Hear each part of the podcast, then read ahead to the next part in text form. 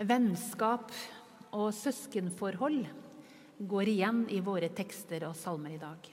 Og denne søndagen kan gjerne kalles relasjonssøndagen.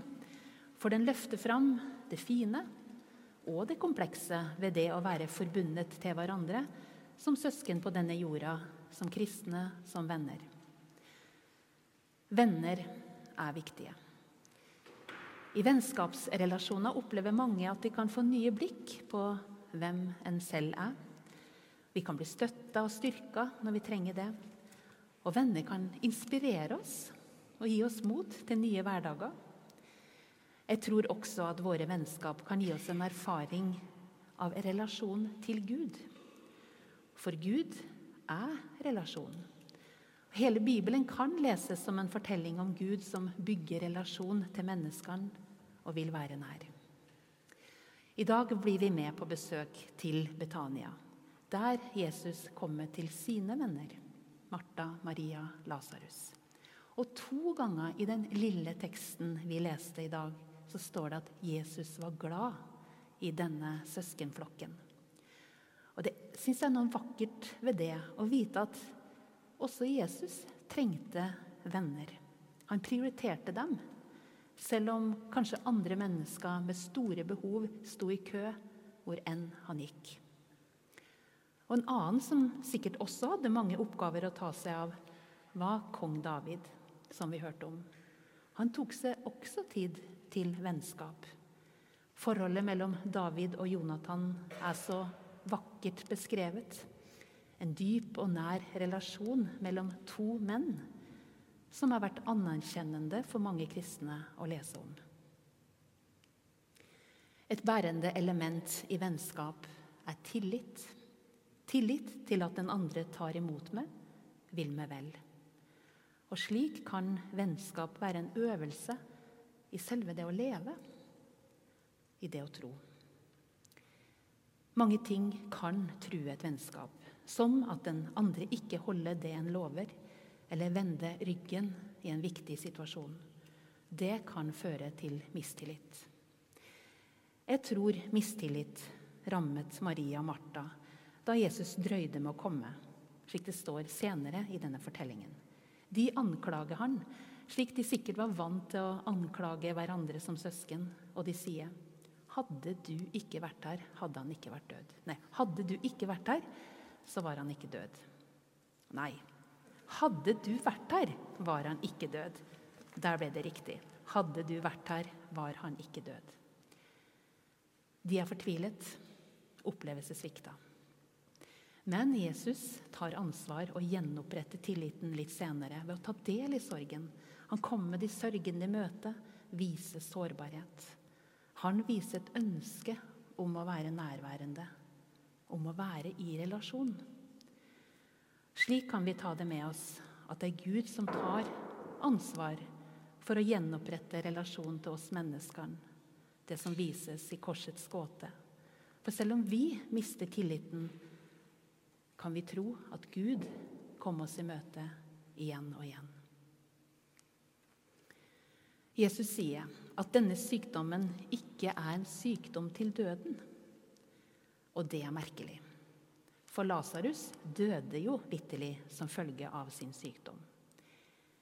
Den danske filosofen, teologen og eksistensialisten Søren Kirkegård henter fram dette begrepet i en av sine mest sentrale skrifter.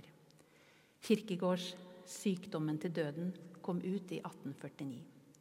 Den kan leses som en analyse av det moderne mennesket, som han betegner som fortvilet. Å være fortvilet på de mørke dagene, det kan vi alle være. Men fortvilelsen, mener han, ligger under overflaten også på de lyse dagene.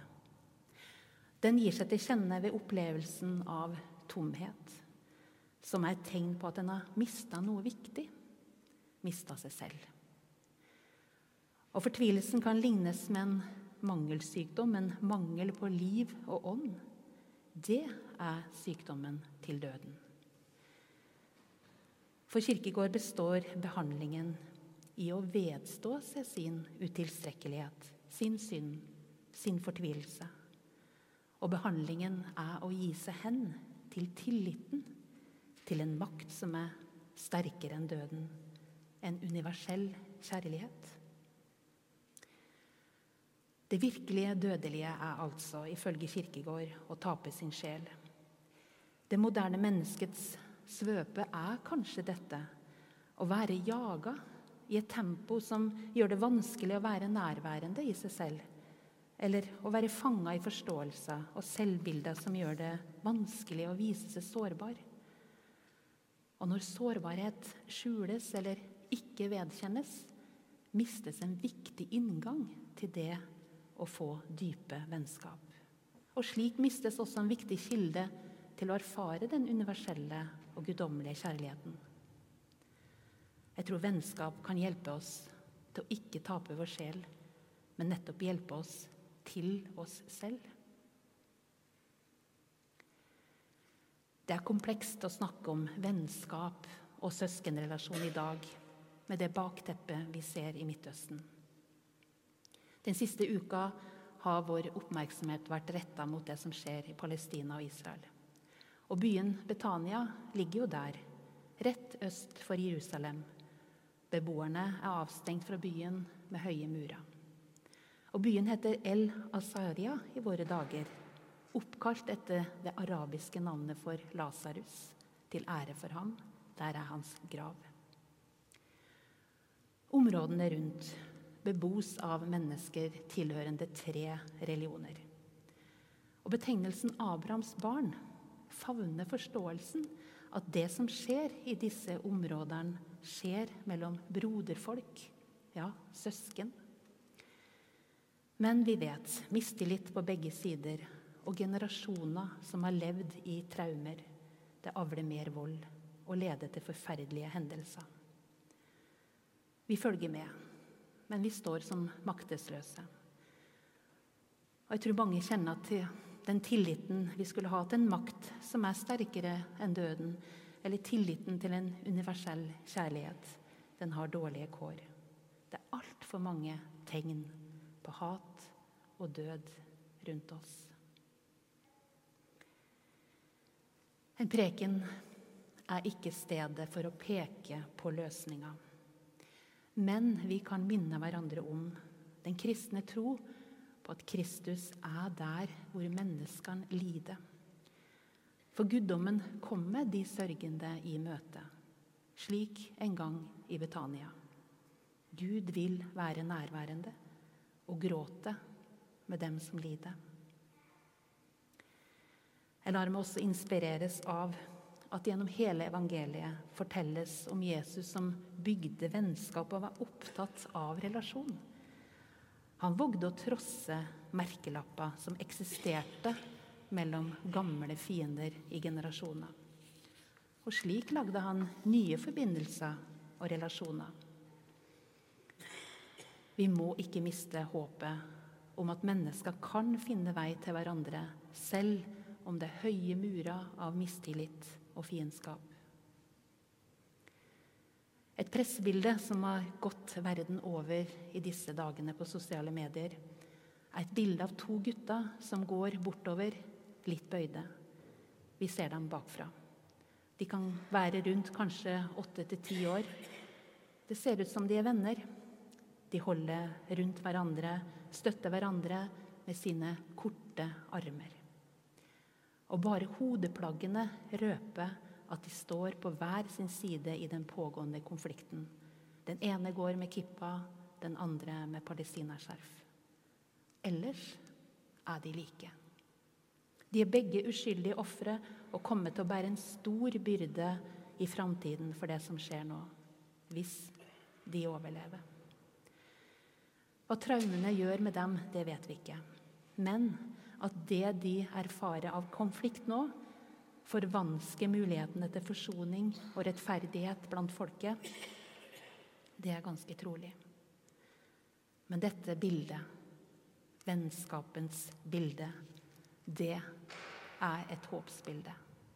Det må vi ikke glemme. Søskenflokkens drama i Betania er et lite vindu inn til eksistensielle temaer vi alle erfarer.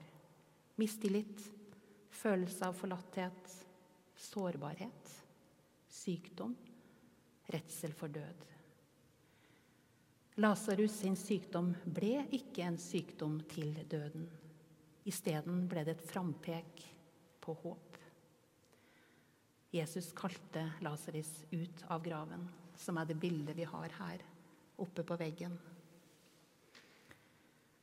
Et tegn på at det er en makt som er sterkere enn døden. Kjærlighetens makt har et stort spenn. Den strekker seg fra livets begynnelse gjennom vår dåp og helt over dødens grense. Det er tilliten til denne makten vi venner oss til i dag, når vi senere skal be for våre liv og for fred i vår verden. Ære være Faderen og Sønnen og Den hellige ånds navn, som var og er og blir en sann Gud fra evighet og til evighet. Amen.